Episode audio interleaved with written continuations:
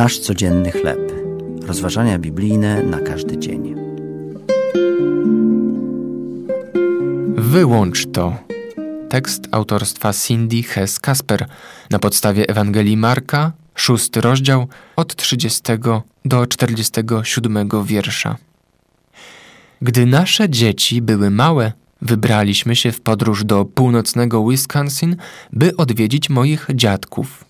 Ich telewizor niezbyt dobrze odbierał, gdyż nie stanowił dla nich priorytetu.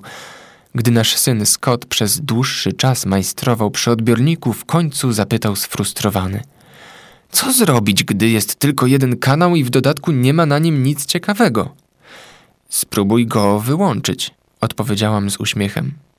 Nie była to rada, jakiej się spodziewał. Jest ona jeszcze trudniejsza do zaakceptowania w dzisiejszych czasach, a zwłaszcza gdy istnieje tak wiele urządzeń, które nas bawią, informują i rozpraszają.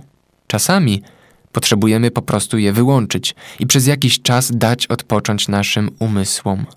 Po prostu powinniśmy wyciągnąć wtyczkę.